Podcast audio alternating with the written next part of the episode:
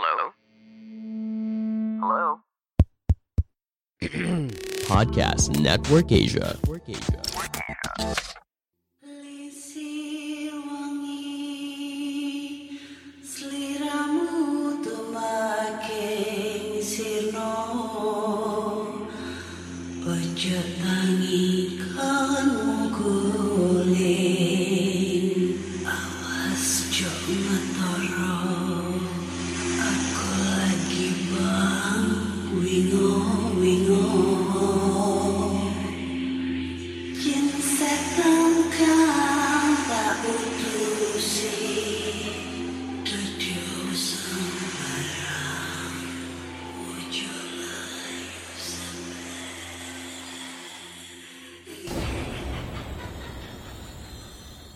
Hai Rek, ya apa kabar Ketemu lagi dengan aku si Ana di podcast kisah horor.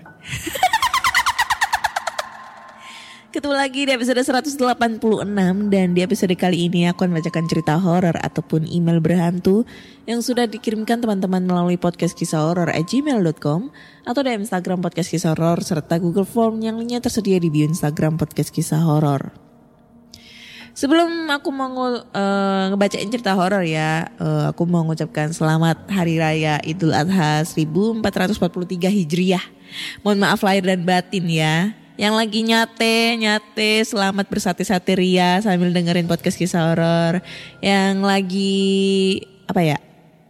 Yang lagi makan gule ya dengerin sambil dengerin podcast kisah horor ya. Oke, mari kita baca-baca komentar yang ada di noise. Yang seperti janji aku kemarin ya, aku bakal eh, rajin-rajin nih ngebacain komentar di noise yang udah kasih komentar-komentar gitu dan cuma satu aja komentarnya. Hah. Ini di episode 185 di noise eh, dari nggak tahu Ya biasalah ibu-ibu emang gitu. Udah salah malah ngegas. Kalau digas balik langsung keluarin kata-kata pamungkas. Berani ya sama orang tua. Ya begitulah. Saya nggak mau berkomentar yang lebih-lebih karena ke depannya juga saya bakal jadi ibu-ibu. Walaupun sekarang saya belum tahu jodoh saya siapa. Ya semoga segera didatangkan atas restu Allah. Yang nanti bakal, kalau misalnya aku nggak bisa eh ini apa namanya eh ngedeketin kamu izinkan aku untuk mensolatimu. Wah, di sepertiga malam aja ya kayak gitu. Ya emang kayak gitu mah. Nggak masalah. Ambil hikmahnya aja ya. Terus kemarin juga ada yang nge DM nih di Instagram. Karena sekali-sekali ini dong ngebacain tweet horor di Twitter. Nah itu. Banyak banget sih sebenarnya yang ngomong kayak gitu. Cuma baru aku buka itu em, baru aku bahas hari ini ya. Sebenarnya sih pengen banget sih ngebacain tweet di Twitter. Cuma aku nggak ngerti pengalaman di Twitter tuh pas kemarin aku lihat di Twitter banyak banget tuh cerita-cerita yang fiksi sama cerita-cerita yang real. Nah keba- kebanyakan di di Twitter itu cerita fiksi yang dibikin kayak model ya cerpen gitu cerita pendek. Nah kalau misalnya gue ngebacain cerita-cerita yang model kayak gitu, jujur agak kurang tertarik ya horornya kayak kurang banget. Tapi kalau misalnya gue ngebacain kayak temen-temen yang nge- apa eh, ngirim cerita horor ke podcast kisah horor gitu, nah itu gue tertarik karena itu kayak real banget gitu loh. Maksudnya walaupun lu cerita real tapi dibikin kayak treat-treat kayak model apa ya ada kayak eh, kayak gimana ya kayak kurang dapat gitulah horornya gitu mungkin nih mungkin buat teman-teman nih pendengar podcast kisah horor yang pengen banget sekali-sekali di setiap sesi episodenya dibacain satu tweet horor dari Twitter mungkin kalian bisa kirim linknya ke DM eh, cerita mana yang menurut kalian itu bagus banget untuk dibawain. Nah itu nanti gue bacain. Tapi ya gue harus izin dulu nih sama yang punya cerita melalui eh, Gmail message-nya di Twitter supaya nggak ada salah paham kayak gitu ya. Bisa bisa bisa. Kalian tinggal kirim aja linknya yang menurut kalian paling menarik nih cerita yang kita bahas. Oke, langsung aja kita bacakan cerita-cerita horor nih yang udah banyak banget masuk di email. Tar. Dan di cerita pertama ini datang dari Hah? Gue bacain namanya ya. Dari Kak Lisa nih. Yang judulnya adalah kisah horor saat pergi merantau bersama suami. Halo Kak Ana, apa kabar? Salam kenal, aku dari Kalimantan Selatan. Woi, halo Kalimantan Selatan. Lebih tepatnya aku di kota Banjarmasin. Jauh banget nih.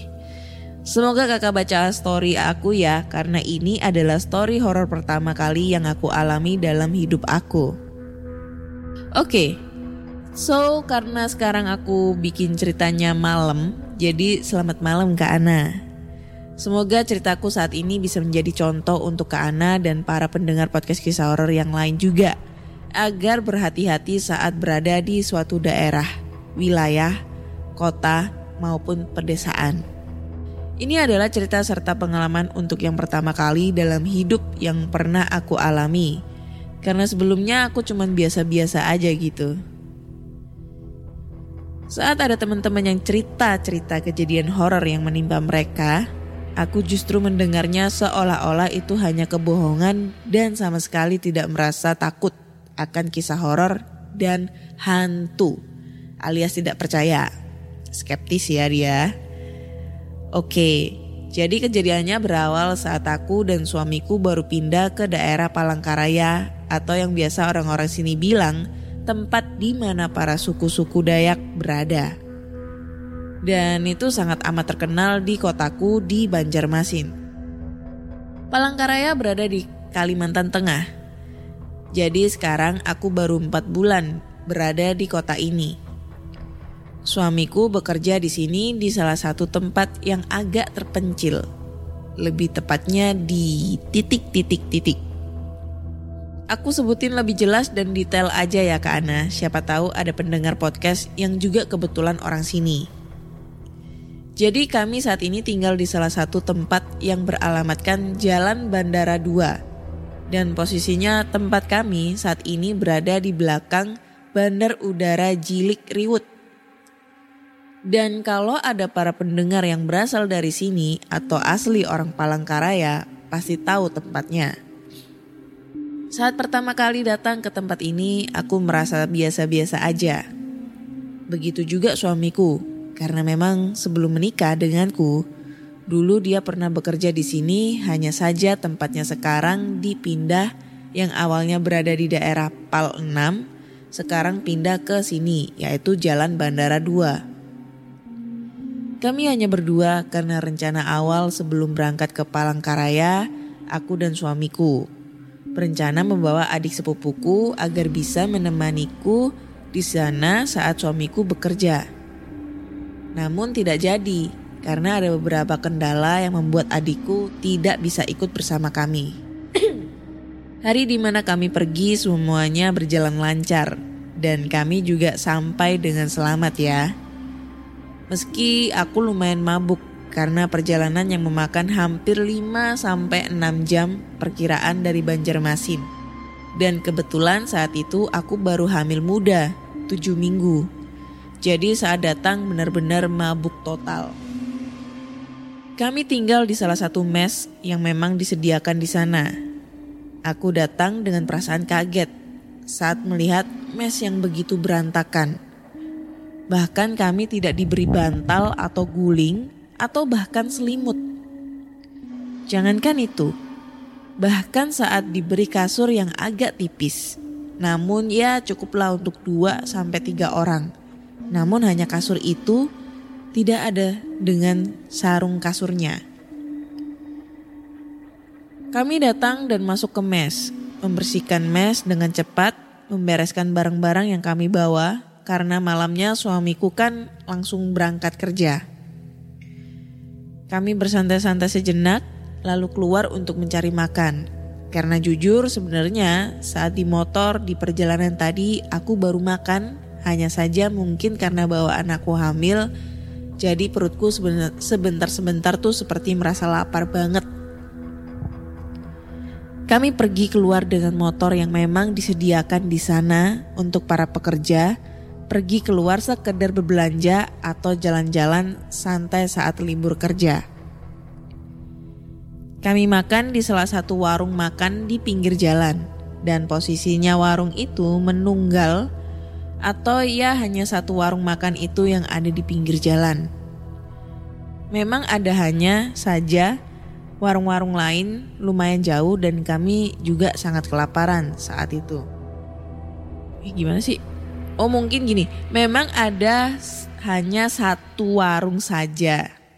Warung-warung lain lumayan jauh dan kami juga sangat-sangat kelaparan saat itu. Jadi aku dan suamiku memesan dua porsi lalapan dengan dua es teh. Penjualnya seorang ibu-ibu yang kemungkinan orang Jawa asli karena dari logat bicaranya yang kental. Jadi aku menyebut ibu tersebut Bule. Bule di situ tidak berjualan sendiri. Lalapan yang kami pesan adalah milik menantunya. Jadi di sini posisinya si bule jualan nasi pecel, gado-gado, dan pecel sayur. Sedangkan menantunya jualan lalapan dan minum-minumannya. Penjualnya amat ramah. Begitu juga menantu si bule. E, di situ ada suami beliau dan anak beliau. Mereka sangat ramah, sampai-sampai hingga hari ini tempat makan itu menjadi tempat favorit kami. Setelah makan kami bergegas pulang karena hari sudah menunjukkan pukul 5 sore. Suamiku pergi mandi. Aku merasa malas karena jujur saat aku hamil muda, sekarang aku jadi malas mandi karena jika menyentuh air tuh rasanya bawaan pengen muntah. Ada yang malah langsung muntah saat aku mandi di rumah dulu. Jadi saat aku memang benar-benar malas, aku tidak akan mandi. Dan suamiku bilang begini. Ayo mandi, kita habis dari perjalanan jauh, pamali. Begitu katanya. Dan aku cuma bilang nanti dan nanti. Maaf Kak Ana, bahasanya sengaja aku ganti karena aku takut ada para pendengar yang kurang paham dengan bahasa Banjar. Lalu suamiku pergi mandi dan aku kembali merebahkan ke kasur tipis yang tadi dikasih sama teman suamiku. Oh ya, aku lupa kalau kami juga dapat kipas angin berdiri di sini. Kipas angin Cosmo Fadesta. Saat suamiku pergi mandi, posisinya saat itu aku lagi chattingan bersama teman aku yang berada di Banjarmasin.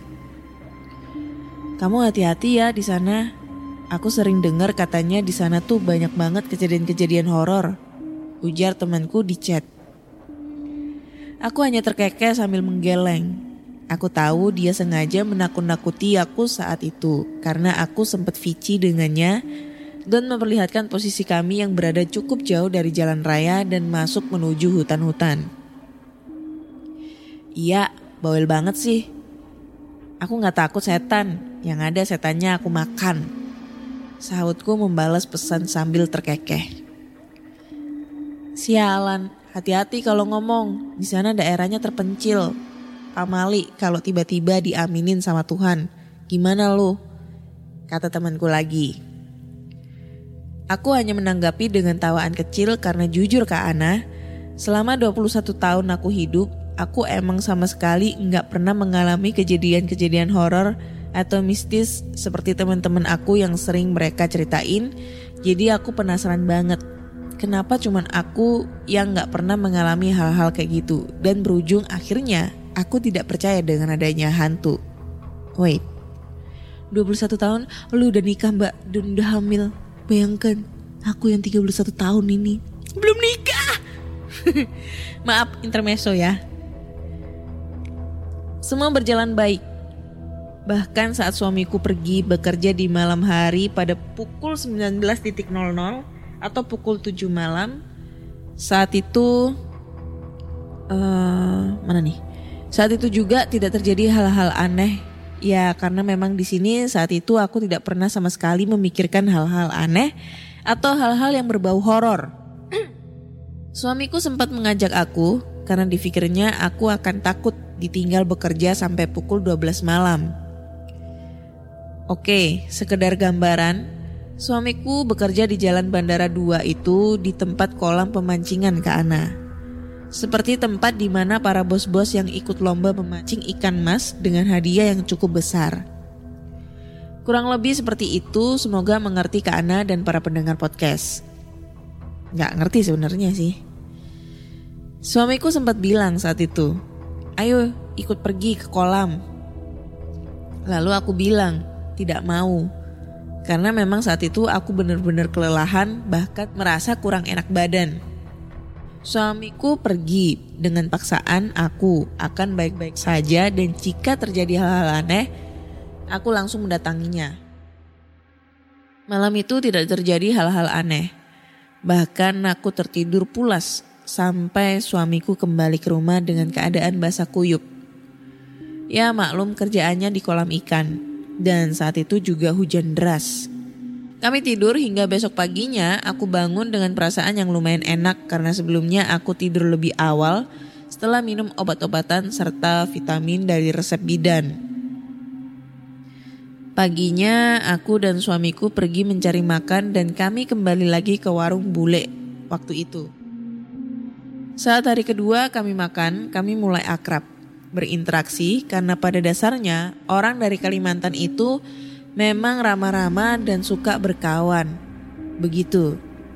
Jadi jika di tempat baru dan bertemu orang baru lalu langsung akrab itu udah biasa. Uh, Kalimantan di sini. Ah gimana sih? Kami di sini. Atau gimana nih? Gak paham. Selang sambil makan saat berbincang-bincang, si bule penjual makanan tadi bertanya, Dok, di mana tinggalnya? Di sana bule, di jalan Bandara 2. Agak jauh dari bule, satu kiloan, saut suamiku. Walah, di sana. Iya iya, tahu bule. Kerja di mana? Tanya bule lagi. Di kolam pemancingan bintang sumo bule. Oh iya iya, bule pernah dengar.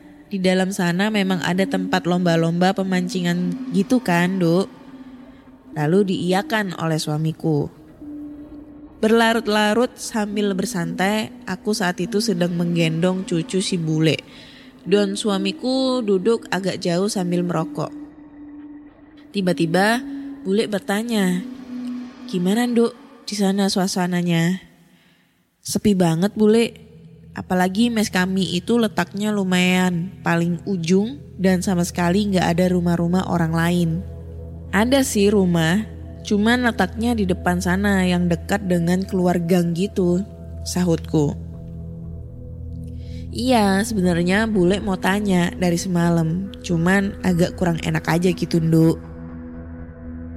Emang kenapa bule? Tanyaku sedikit penasaran. Nduk kan tahu sendiri, di Barak Endo itu hampir memasuki kawasan hutan dan sama sekali nggak ada rumah-rumah penduduk. Apalagi di daerah sini itu terkenal dengan sebutan kawasan Kuyang. Lantas, aku agak kaget dengan perkataan si bule barusan. Bukannya apa, hanya saja aku tahu betul apa itu Kuyang. Yang memang sangat terkenal di kalangan warga Palangkaraya di sini terkenal dengan suku-suku Dayak yang sakti dan memiliki banyak minyak-minyak seperti itu. Jadi jika dibilang agak takut ya memang karena cerita tentang si kuyang tersebut memang nyata adanya. Berbeda lagi dengan makhluk halus atau hantu. Kuyang ini ibaratnya adalah hantu namun seorang manusia. Ya jadi dia itu manusia tidak bisa tembus pandang.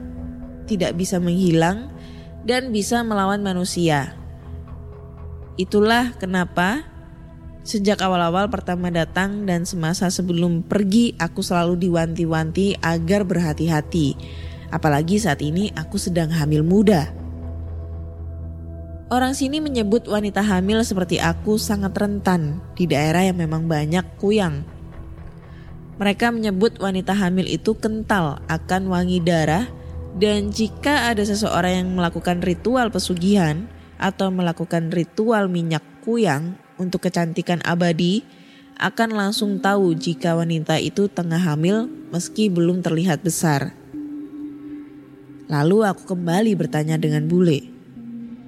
Apa dulu pernah ada kejadian di sini bule tentang si kuyang itu tadi? Jelas nduk. Tapi tahun-tahun sekarang agak jarang. Apalagi di daerah sini kan sekarang udah lumayan ramai. Ujar si bule. Memang dulu sempat ada kejadian bagaimana bule kalau boleh tahu. Tanyaku lagi benar-benar penasaran. Aku takut hanya saja rasa penasaranku lebih besar daripada rasa takutku. Dulu barak serta kolam pemancingan di tempat kalian itu adalah barak-barak milik TNI Indo. Jadi TNI dulu-dulu yang masih ikut pelatihan-pelatihan gitu tinggalnya di barak di dalam hutan sana. Dulu juga di sana jalannya masih tanah hutan gitu. Tanah pehumaan kalau dalam bahasa Banjar. Ada para anak-anak TNI yang masih bujangan, ada juga yang beristri dan mereka rata-rata membawa istri mereka ke barak itu untuk tinggal bersama. Rumah-rumah yang ada di depan-depan gang itu juga baru-baru saja dibangun. Bule tinggal di sini saat barak para TNI itu sudah ada, jadi rumah pertama yang ada di sini itu adalah rumahnya bule. Ujar beliau menjelaskan. Tapi dulu rumah bule bukan di sini. Terus di mana bule? Ujarku bertanya. Dekat dengan jembatan di sana, Nduk. Agak ke sana sedikit dari jalan Bandara 2, tempat kalian tinggal itu. Dan di sana itu dulu masih hutan, bahkan dari depan saja tidak ada yang berani masuk. Karena kalau sudah jam 6 sore itu suasananya agak seram dan gelap. Mungkin karena banyak rumput-rumput tinggi juga, semak-semak dan pohon-pohon besar. Sekarang mah enak, Duk. Jalannya juga meski masih agak sakit, cuman tidak serusak dulu. Bule cerita, ini bukan mau menakut-nakuti, cuman agar enduk dan suami bisa berhati-hati, apalagi enduk sedang hamil muda. Ya tidak salahnya berhati-hati, bukan? Ujar bule berkata. Aku mengangguk, aku tidak marah. Justru benar apa yang dibilang beliau, agar aku bisa berhati-hati di kampung orang lain Apalagi di sini terkenal dengan hal-hal mistis. Meski aku tidak percaya hantu, aku tetap harus menghargai dan berhati-hati juga. Apalagi kami ini hanya seorang pendatang. Sebenarnya kakekku asli orang sini, hanya saja itu tidak ada hubungannya karena aku memang bukan asli orang sini. Begitu juga dengan suamiku. Lalu bagaimana ceritanya bule? Ujarku lagi. Dulu ada salah satu istri dari anak TNI yang ikut tidur di barak itu. Dia yang pertama hamil dari istri teman-temannya yang lain. Jadi saat datang ke barak itu istrinya itu belum hamil dan saat hamil itu saat sudah berada di barak itu. Awalnya tidak terjadi apa-apa dan tidak ada yang heboh. Tapi seiring berjalannya waktu saat kandungan istrinya itu sudah memasuki dua bulan, mulai terlihat ada yang aneh di sekitar barak mereka. Malam saat suaminya bertugas, dia hanya tinggal sendiri di barak. Sedangkan para istri-istri teman suaminya pada ikut ke pos jaga karena mungkin saat itu dia tidak merasa takut apa-apa. Karena barak di sana tidak memiliki WC atau kamar mandi pribadi, bahkan dapur pribadi, jadi dapur dan WC serta kamar mandi itu terpisah dari barak yang letaknya itu ada di luar barak. Kejadiannya dari cerita temannya si laki-laki yang istrinya sedang hamil itu berkisah langsung di warung bule dulu. Istri temannya itu mau memasak mie gitu nduk. Awalnya merasa biasa-biasa aja. Karena memang jika malam istri temannya itu selalu memasak mie. Namun entah kenapa saat sedang memasak mie, perasaan istri temannya yang bernama Dinda itu sedang tidak enak. Dinda pikir saat itu mungkin karena sedang deras angin. Maaf kak, namanya aku samarkan aja. Takutnya kalau ada yang kenal sama orangnya jadi kurang enak. Nanti ceritanya aku buka di sini. Setelah selesai memasak mie, Dinda berjalan menuju barak. Namun betapa kagetnya wanita itu saat melihat ada sebuah benda di atas atap barak yang ada di seberang baraknya seperti benda hijau lumut yang menyala terang. Dinda takut, Duk. Dia juga tidak bodoh kalau dibilang tidak tahu apa itu. Lantas Dinda teriak. Begitu teman suaminya bercerita, istri temannya itu teriak sampai terdengar dari pos jaga kami. Lantas kami semua yang di pos itu langsung lari menuju arah barak yang tidak terlalu jauh. Di sana saya sendiri beserta teman-teman yang lain melihat secara langsung bule. Saat suami Dinda menyalakan senter lampu, begitu jelas terlihat bahwa itu sebuah kepala manusia yang tidak lain adalah kuyang. Hanya sebentar karena kuyang itu langsung kabur ketika suami Dinda menyalakan senter listrik. Dinda amat shock. Setelahnya hari-hari berikutnya, Dinda tidak lagi berada di barak sendirian. Dia akan ikut jaga jika giliran suaminya jaga di pos depan. Aku mengangguk. Jujur, benar itu hanya cerita singkat yang juga hanya satu kali dialami. Tapi aku juga berpikir, jika seandainya aku berada di posisi Dinda saat itu, pasti aku bakalan benar-benar trauma, bahkan akan langsung minta pulang ke rumah seperti apa yang dibilang bule. Dan sebelum-sebelumnya juga pernah, Duk. Bahkan sampai ada yang tertembak sama anak-anak TNI dulu kuyangnya. Aku mulai merasa khawatir, apalagi dulu itu adalah kawasan TNI. Dan Kuyang bahkan tidak takut untuk memasuki kawasan penuh senjata. Artinya, di sini Kuyangnya benar-benar sakti, tidak takut mati. Itu baru cerita pertama ke Ana yang aku dengar. Cerita kedua datang dari keluarga suamiku sendiri. Dulu saat awal-awal kerja di Palangkaraya ini, suamiku tidak sendiri dia datang dengan tuh dua temannya laki-laki beserta keluarganya. Itu yang juga bersama suaminya. Nama keluarga suami aku itu Isna dan suaminya Ahim.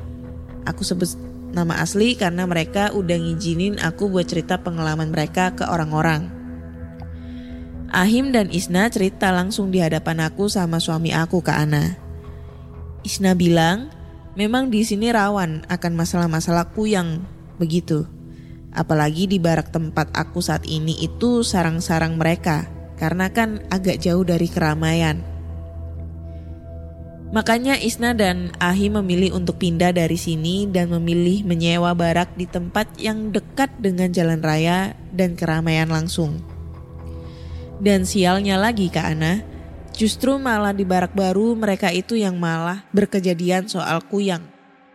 Ingin menghindar malah terkena sial di tempat baru, ujar Isna bercerita sambil tertawa saat itu.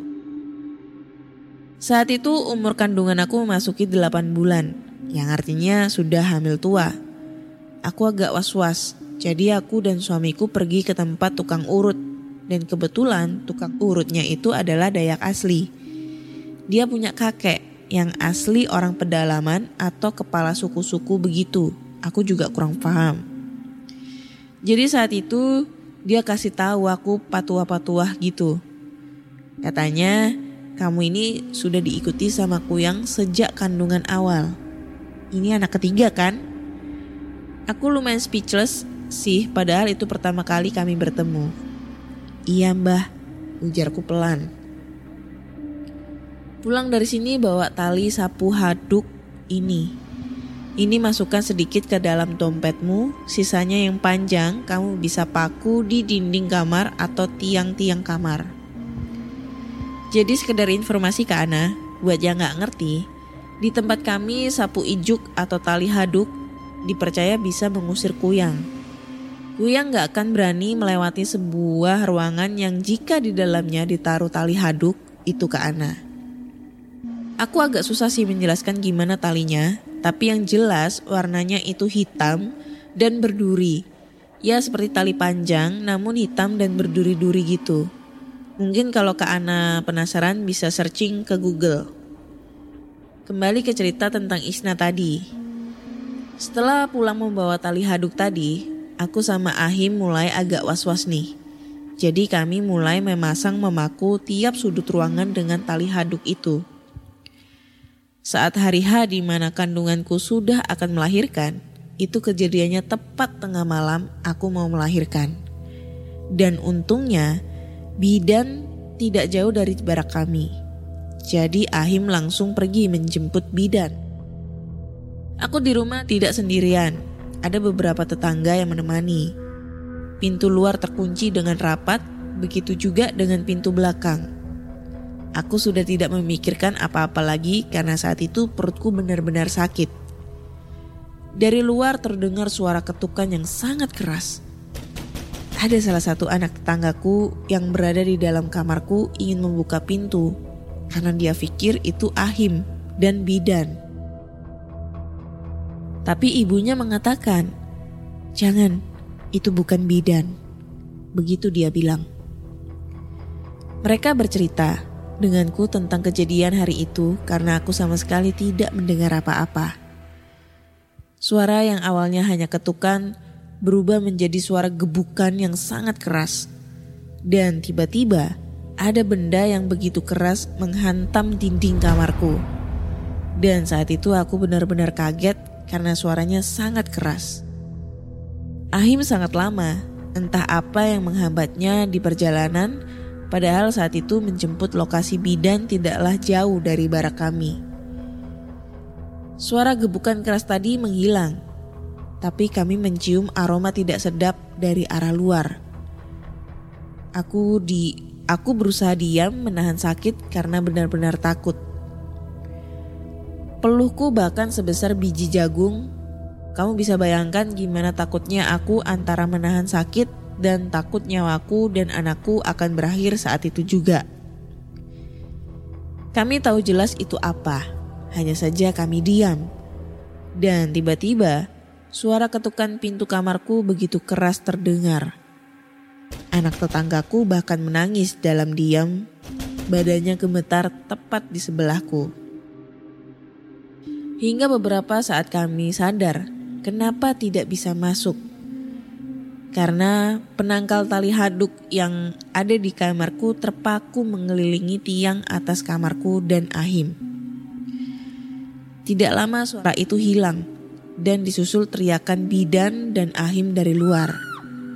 Rupanya kuyang itu kabur melewati pintu depan yang sudah dirusaknya hingga lepas dari engsel. Wanjir. Bidan hampir pingsan dan Ahim bergegas memanggil warga dan mengejar kuyang itu hingga ke ujung gang kami yang penuh dengan pohon-pohon tinggi. Aku benar-benar takut saat itu ke Ana. Bahkan aku hendak menangis. Aku membayangkan bagaimana jika saat itu adalah posisi aku juga berada sama seperti Isna. Lalu Isna bertanya, apakah aku akan melahirkan di sini saja atau pulang ke Banjarmasin. Karena aku dan suamiku sudah berencana akan pulang ke Banjarmasin saat kandunganku memasuki tujuh atau delapan bulanan nanti dan melakukan persalinan di sana saja. Isna melahirkan dengan selamat, namun kejadian itu begitu membekas di ingatannya. Bahkan aku saja mendengarnya sampai saat ini merasa was-was sekarang, eh was-was sekarang saat sendirian di barak. Jadi malam itu saat aku dan suamiku, Isna dan Ahim, sedang bercerita pasal siku yang tadi, eh, dia memberitahuku agar menaruh sedikit tali haduk di dalam dompet atau tas yang sering aku pakai untuk pergi keluar. Gunanya apa? Gunanya agar tidak terjadi hal-hal yang tidak diinginkan karena kuyang tidak berani bersentuhan dengan tali haduk.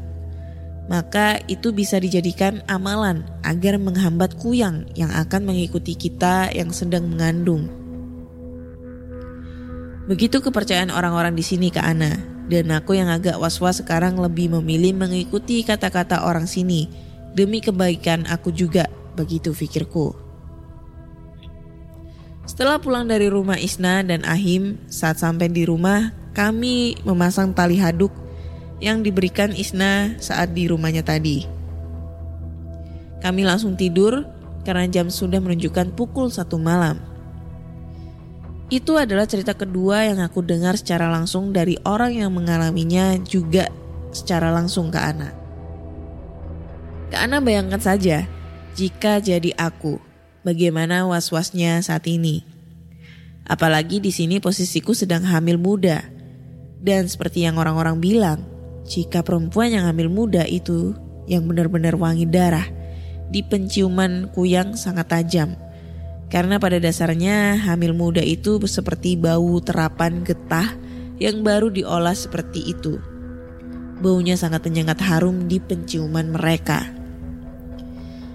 Jadi saat itu Isna juga bilang, jika ada orang yang tidak dikenal bertanya seputar hal-hal aneh seperti menyangkut kehamilan aku, kamu langsung pergi saja atau jawab sopan mungkin.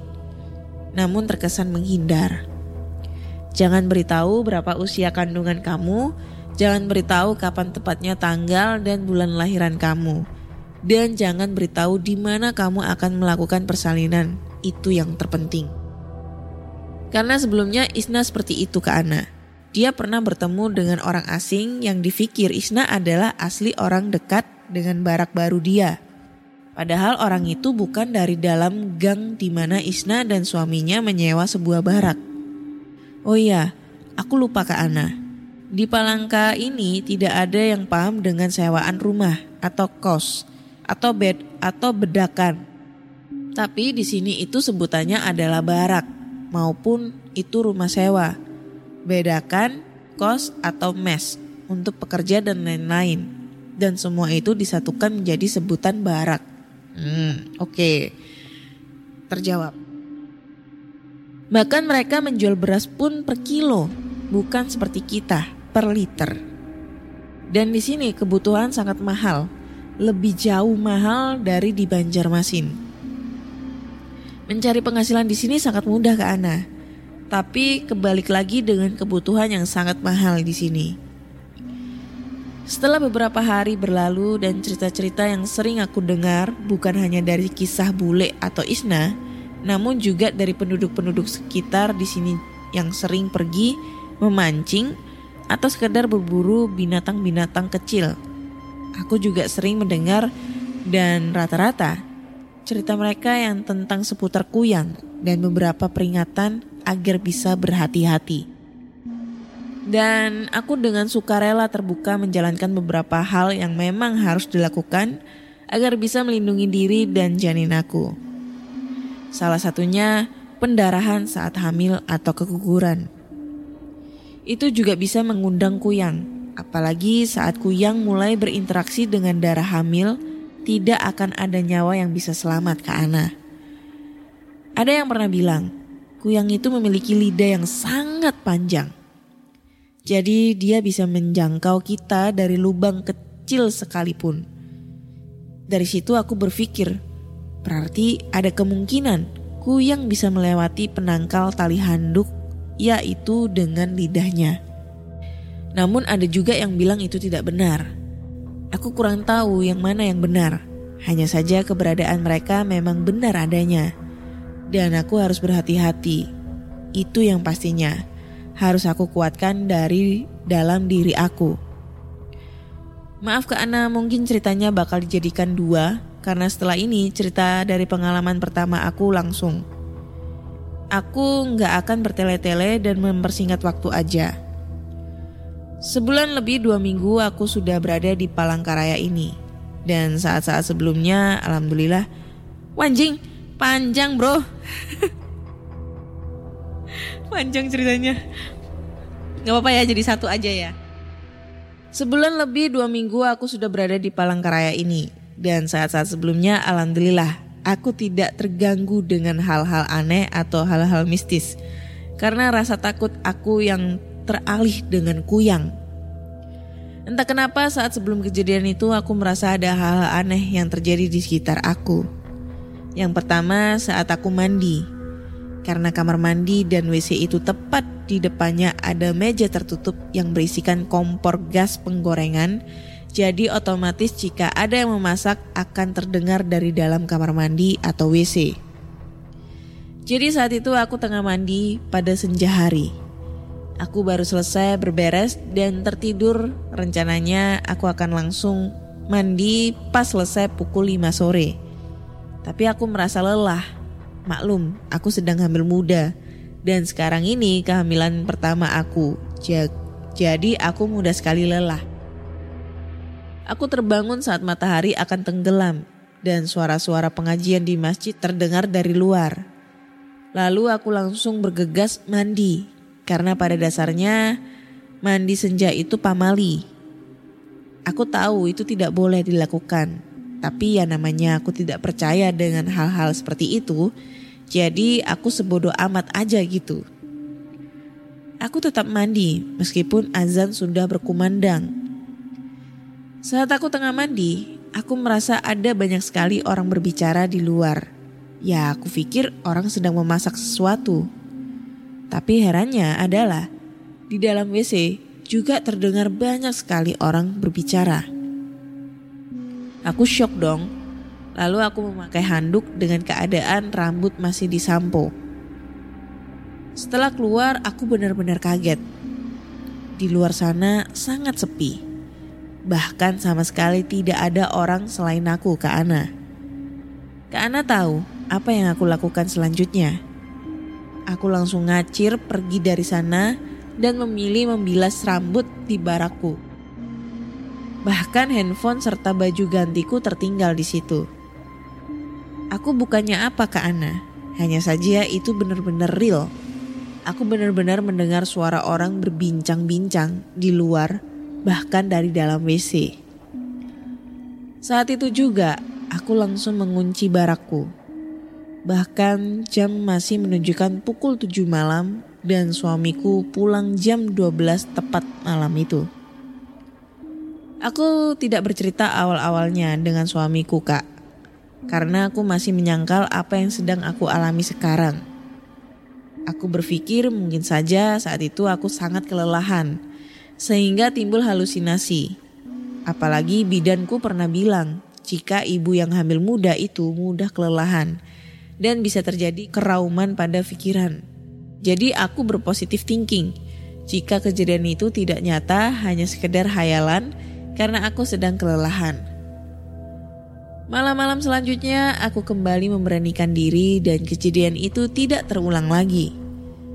Lalu saat malam Jumat dan suamiku bekerja di malam itu, aku sendirian lagi di barak. Aku cukup ngantuk karena habis makan dan minum obat dari resep bidan. Saat aku ketiduran, aku ingat betul jika aku tidak mematikan lampu. Tapi saat aku terbangun pukul 9 malam, lampu di barakku benar-benar padam. Namun kipas angin masih nyala. Dan berarti bukan mati lampu, kupikir. Tapi aku tidak berpikir buruk ke Ana. Aku ingin kembali tidur. Namun tiba-tiba terdengar ketukan dari luar kamar. Satu, dua, tiga, empat, bahkan lima kali ketukan. Aku diam. Biasanya jika suamiku yang datang, dia akan mengetuk sambil memanggil-manggil aku. Tapi saat itu tidak terdengar sama sekali suara. Bahkan aku tidak mendengar ada suara tapak kaki. Apalagi di depan terasa barakku itu halamnya pasir, halamannya pasir. Dan hanya ada kira-kira setengah meter tepat depan pintu barakku tuh tanahnya yang disemen. Otomatis jika ada yang datang, suara sandalnya yang sudah terinjak pasir akan terdengar gesekan kasar dari gesekan sandalnya ke semen di pintu barak kami. Lama-kelamaan ku diamkan ketukan itu berhenti dengan sendirinya. Lalu aku mencoba untuk melihat lewat jendela. Aku keluar dari dalam kamar yang langsung los menuju luar karena kamar kami tidak ada pintunya dan di barak kami hanya ada sekat dinding tepat di tengah yang memisah antara ruang tamu dan kamar dalam. Aku berjalan dengan hati-hati. Lalu saat ingin mencapai jendela, aku kaget dengan suara seperti ada yang melempar batu ke, ka ke kaca jendelaku. Aku benar-benar kaget dan langsung menutup mulut untuk memberhentikan teriakanku yang akan keluar. Aku berjalan lagi sedikit dan mengintip dari dalam hanya sedikit, hingga dari luar pun tidak terlihat jika aku sedang mengintip. Aku tahu jelas ada benda seperti kerudung yang melilit di leher perempuan itu, bukan menutupi kepalanya seperti tengah berkerudung. Kerudung itu melilit di lehernya. Saat itu aku benar-benar kaget. Aku tahu itu adalah kuyang yang masih berwujud sosok manusia.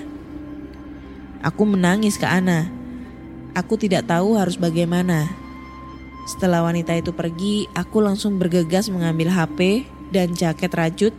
Aku pergi ke kolam tempat suamiku bekerja tidak jauh dari barak. Ini juga sekedar info.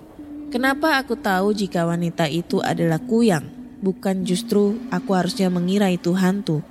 Karena Kak Ana juga pasti mengira aku akan bercerita jika itu adalah hantu.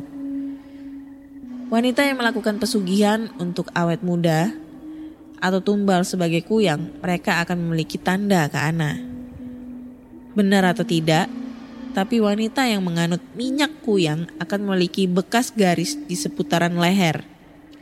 Berwarna hitam kecoklat-coklatan seperti bekas dan di mana letaknya kepala mereka akan terlepas dari badannya, ibaratnya adalah tanda di mana letak lepasnya kepala dari badan mereka.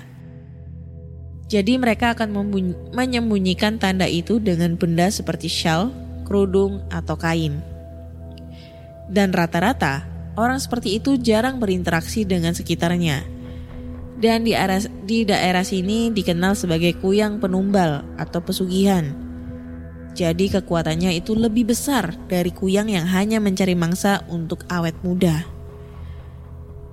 Malam itu saat aku, suamiku, dan teman-teman suamiku kembali ke barak setelah selesai mereka bekerja, suamiku bertanya, kenapa aku tiba-tiba lari mendatanginya sambil menangis. Karena saat bekerja dia tidak bisa bertanya, makanya saat selesai dia langsung menanyai aku di hadapan teman-temannya. Jadi ku ceritakan semuanya di hadapan teman-temannya juga. Suamiku hanya diam serta teman-temannya juga diam. Mereka tidak ingin percaya dengan ceritaku. Tapi saat itu, bahkan aku gemetaran sambil menangis dan posisinya aku sedang hamil, jadi tidak menutup kemungkinan jika saat itu aku sudah diintai oleh si kuyang tadi dari lama. Lalu suamiku menyuruhku untuk masuk ke kamar sedangkan dia berunding dengan teman-temannya. Keesokannya saat suamiku bekerja, aku sudah tidak diperbolehkan lagi tinggal di barak. Dan suamiku serta teman-temannya sepakat untuk mengadakan jaga malam bergantian di sekitar barak demi keamanan bersama. Mereka bilang hanya mere eh mereka bilang mereka hanya takut jika orang itu kembali lagi dan malah berani melakukan hal nekat. Beberapa hari setelah kejadian menyeramkan itu, aku sudah berada di Palangka dua bulan. Kejadian itu tidak terlupakan dalam pikiran aku ke Ana. Yang ada sampai sekarang, aku jadi parnoan. Uh, mudah takut bahkan dengan hal-hal mistis, aku jadi penakut sekarang. Sial lagi, malam tepatnya malam minggu. Saat itu aku sakit ke Ana. Jadi aku dengan terpaksa memilih untuk tinggal di barak sendirian. Aku akan langsung pergi jika terjadi sesuatu lagi, pikirku. Malam berlarut, tidak terjadi apa-apa. Bahkan suamiku selesai bekerja, aku hanya diam, tidur, atau sekedar main HP. Saat itu aku tiba-tiba ngantuk. Suamiku selesai mandi dan dia sedang ngerokok di luar sambil duduk santai berbincang-bincang dengan teman-temannya.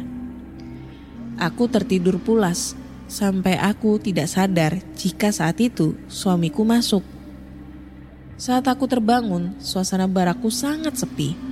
Tidak ada suara orang sama sekali, bahkan dari luar yang tadinya ramai sekarang sepi senyap. Aku mau pipis saat itu, tapi aku tidak berani. Jadi aku memanggil-manggil suamiku namun tidak ada jawaban. Karena merasa tidak bisa ditahan, jadi aku memutuskan untuk keluar saja pergi ke WC sendirian. Tapi, tapi tiba-tiba suamiku masuk. Aku kaget dan mengucap astagfirullah. Suamiku hanya terkekeh pelan dan bertanya, mau ke mana? Sambil memasuki kelambu milik kami. Aku masih kaget dengan kedatangannya. Sejujurnya aku sama sekali tidak mendengar suara telapak kaki atau sandalnya yang berjalan masuk seperti yang aku jelaskan di atas. Jika ada yang menginjak teras barakku, pasti akan terdengar. Namun saat dia masuk, bahkan injakan kakinya saja, aku tidak mendengar dari dalam rumah menuju kamar. Aku merasa menggigil. Aku merasa dan langsung ada feeling ke Ana jika orang di depanku ini bukanlah suamiku. Aku tahu jelas jika hanya sekali dua kali saja aku memanggil suamiku, pasti akan menyahut, meski dari jauh, tapi saat itu tidak ada terdengar suara. Jika pun tidak ada sahutan, otomatis akan terdengar suara dia berlari ke arah barakku. Apalagi keadaan di luar benar-benar sepi, tidak ada orang. Aku berusaha tenang, meski aku sadar dia tengah memperhatikan aku sangat dekat sambil tersenyum kecil. Aku takut tidak bisa keluar dari barak dan berakhir pingsan. Jadi saat dia bertanya mau pergi ke mana, aku langsung kujawab jika aku mau pipis. Dia menawarkan, apakah mau ditemani? Saat itu aku semakin gemetaran. Suamiku tidak pernah menawarkan diri. Dia pasti akan langsung menggiring aku ke WC dan tidak membiarkan aku sendirian keluar. Aku menggeleng dan langsung keluar dari kelambu rancang kami. Saat keluar jantungku berdetak sangat kencang. Aku tidak merasa kebelet lagi. Jadi aku memutuskan untuk menutup rapat pintu dari luar. Aku berdiri di depan kamar mandi yang lumayan terang dan beberapa saat, tidak lama, tiga buah motor memasuki pekarangan barak. Dan di sana aku melihat dengan mata kepalaku sendiri, suamiku beserta temannya baru saja turun dari motor. Aku terduduk lemas. Suamiku yang melihat langsung ng ngacir berlari dari motor saat melihat aku terduduk di atas tanah penuh pasir. Sayang, kenapa? Aduh, harusnya tunggu aku dulu sebentar kalau mau pipis. Kamu kamu kan masih sakit, ujar suamiku. Aku blank ke Ana. Kejadian itu bukan hayalan, tapi benar-benar nyata. Lalu langsung ku kasih tahu semuanya dengan suamiku. Aku bilang, bukannya tadi kamu di dalam, ku bilang. Lalu suamiku bilang, tidak. Dia tadi sudah berusaha membangunkan aku supaya mengunci pintu karena dia dan teman-temannya tiba-tiba ditelepon sama bos. Mereka untuk mengambil jorang, pancing, dan beberapa umpat untuk lomba besok malam. Tapi aku terlalu lelap. Dia tidak tega membangunkan, makanya langsung pergi begitu penjelasan suamiku. Ku bilang tadi, jelas-jelas dia masuk ke dalam kelambu ranjang bahkan menyentuh aku dan bilang apakah mau ditemani ke WC begitu. Aku sambil sesegukan menunjuk jika kamu masih ada di dalam kamar saat aku keluar kamu. Eh, masih di dalam kamar. Saat aku keluar, kamu tidak keluar-keluar juga, ku bilang. Lantas suamiku langsung masuk ke kamar dengan dua temannya menemani. Aku benar-benar shock bahkan wajahku sampai memerah, kata teman suamiku. Saat suamiku masuk ke dalam barak, aroma busuk yang menyengat sangat tercium. Bahkan teman-temannya langsung pergi keluar. Benar-benar busuk, sampai mereka bertahan dulu di luar agar baunya hilang. Dan su saat sudah dirasa tidak terlalu berbau, mereka masuk dan tidak menemukan siapa-siapa di dalam sana. Suamiku mengecek dari dalam kelambu ranjang dan tidak ada siapa-siapa di sana. Namun, dari dalam kamarlah bau busuk itu sangat menyengat. Aku dan suamiku tidak berani masuk. Dia memilih untuk bergabung dengan teman-temannya yang lain bersama aku. Aku tidur di salah satu kamar temannya yang tidak berantakan. Dan para laki-laki di luar tidak ada yang bisa tidur. Mereka berjaga semalaman di luar karena merasa akhir-akhir ini ada yang aneh. Aku disuruh untuk kembali ke rumah orang tuaku sementara waktu dengan suamiku. Tapi aku tidak mungkin meninggalkan dia di sini. Meski sebelumnya aku tahu suamiku memang bekerja sendirian di sini dari lama. Tapi aku sama sekali tidak ada niatan untuk kabur ke Ana. Dan setelah kejadian terakhir itu, aku tidak pernah ditinggal lagi. Bahkan saat suamiku menceritakan semuanya kepada bosnya, aku ditawarkan untuk tinggal di rumah beliau, tapi jelas aku menolak karena itu tidak mungkin. Alhamdulillah empat bulan sudah aku di sini. Sudah tidak ada lagi kejadian-kejadian seperti itu. Aku jadi semakin rajin sholat untuk menghindari hal-hal seperti itu. Bahkan tentangku yang sebelumnya juga tidak ada karena sampai sekarang jaga malam karena sekarang sampai sekarang juga malam yang tiba-tiba diadakan oleh suamiku dan teman-temannya masih berjalan. Oh, jaga malam anjir. Masih berjalan. Mbah Dayak yang saat itu kembali aku datangi eh, suamiku meminta beliau untuk melihat apakah aku saat itu diganggu dengan makhluk halus. Dan jawaban beliau, ya. Itu karena aku menentang aturan pamali untuk tidak mandi pada senja hari. Aku menyepelekan karena rasa ketidaktakutanku. Kau merasa tidak percaya sehingga mengabaikan mereka yang memang benar-benar ada. Sejak, sejak saat aku mandi senja dan mendengar suara-suara dari luar, saat itu juga aku sudah ditempeli dengan penunggu di sana. Begitu penjelasan beliau. Setelah beliau membersihkan semua tubuhku dari hal-hal mistis atau ketempelan jin, besoknya aku langsung sakit selama dua hari. Dan setelahnya aku mulai berhati-hati, bukan hanya tindakan, melainkan dalam bertutur kata. Aku selalu berpermisi saat melewati jalan yang sunyi dan penuh pohon-pohon hutan. Apalagi saat ini aku tengah hamil. Dan alhamdulillah sampai saat ini aku tidak lagi diganggu mereka dan semoga saja tidak. Karena di sini aku memang tidak datang untuk merusak. Terima kasih Kak Ana sudah mau membacakan cerita pengalaman pertama aku di dunia mistis. Sebelumnya aku cuma suka dengar podcast kakak aja karena memang seru kak.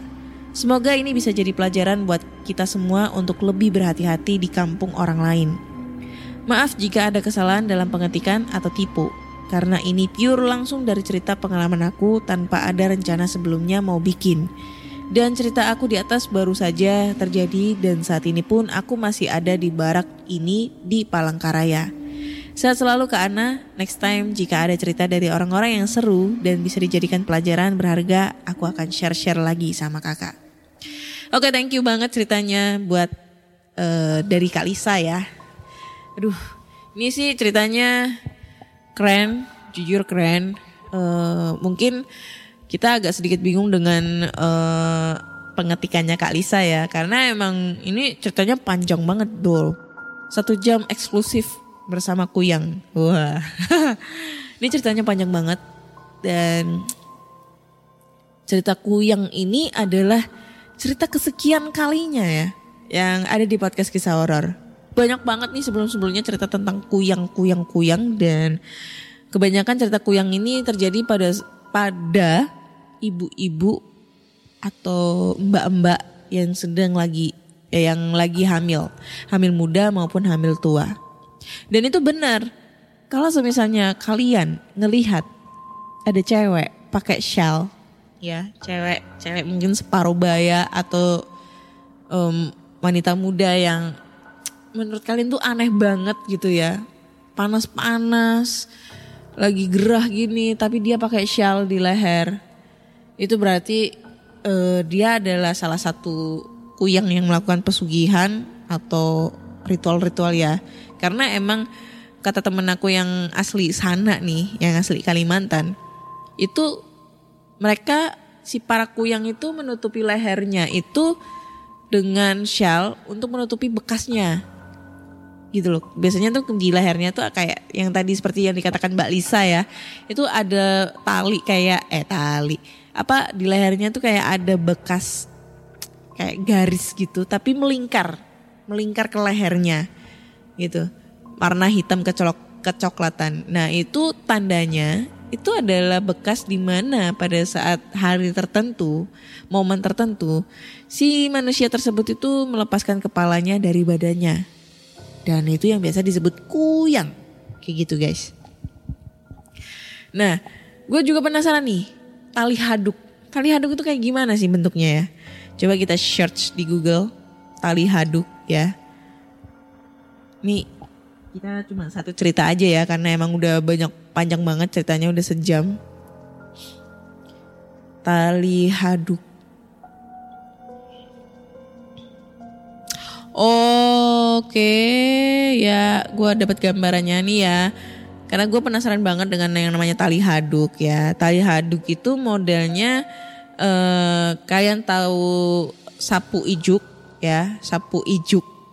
Sapu ijuk itu sapu yang kayak rambut-rambut warna hitam. Nah, itu yang ijuknya itu itu dipelintir-pelintir dijadikan tali. Nah, itu katanya namanya tali haduk gitu.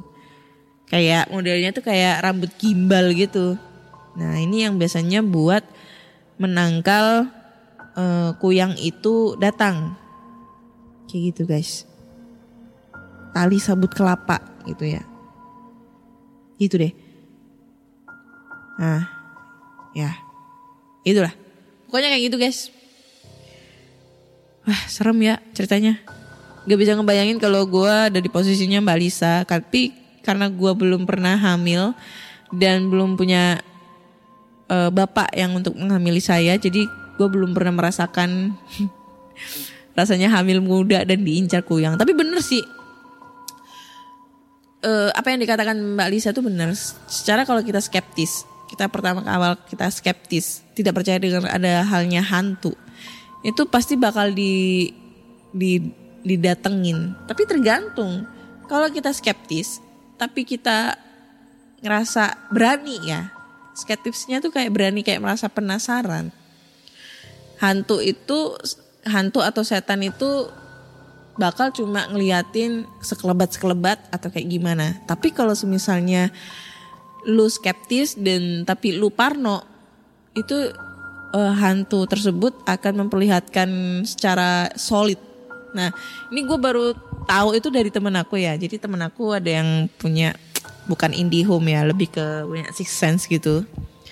Eh, dia bilang kan gue kemarin sempat cerita tuh tentang pengalaman gue yang ada sekelebat-sekelebat bayangan tuh dan dia bilang kalau misalnya lu skeptis tapi lu lu berani itu dia cuma ngelihatnya sekelebat-sekelebatan aja tapi kalau misalnya lu skeptis tapi eh, diliatin gitu terus lu takut banget nah itu dia bakal ngeliatin terus-terusan dan bisa jadi dia bakal ngeliatin secara solid kayak gitu. Kayak gitu sih kurang lebihnya. Hmm. Dan mandi pada petang hari itu biasa gue lakuin sih sebenarnya. Tapi ya nggak ngerti ya nggak pernah mengalami hal-hal seperti itu. Tapi ya mungkin karena mungkin si mbak Lisanya itu lagi hamil muda jadi lebih banyak pantangannya lebih apa ya lebih banyak pantangannya lebih sering untuk eh, dilihat-liatin gitu atau semacamnya kayak gitulah kayak gitu ya Oke kayaknya cukup sekian dulu episode 186 ini satu jam eksklusif bersama Kuyang ya. eh jadi buat teman-teman semua yang punya cerita horor yang emang sama nih ceritanya kayak Mbak Lisa dihantuin pada saat hamil muda di eh, dihantuin sama kuyang atau apa pun semacamnya kalian bisa langsung aja kirim ceritanya ke podcast kisah horor at gmail.com atau DM Instagram podcast kisah horor serta Google Form yang lainnya tersedia di bio Instagram podcast kisah horor Jangan lupa dengerin podcast kisah horor di Spotify, Google Podcast, Apple Podcast, serta di Noise. Dan jangan lupa kalian kasih bintang 5 untuk podcast kisah horor di Spotify. Karena kalian sekarang udah bisa ngasih rating untuk podcaster kesayangan kalian di Spotify. Dan setiap episodenya jangan lupa kalian tinggalin komentarnya di Noise. Karena nantinya eh, episode terbaru, setiap episode terbaru gue bakal ngebacain komentar-komentar kalian di setiap episode sebelumnya ya. Terima kasih. Akhir kata saya Ana undur diri dan bye-bye.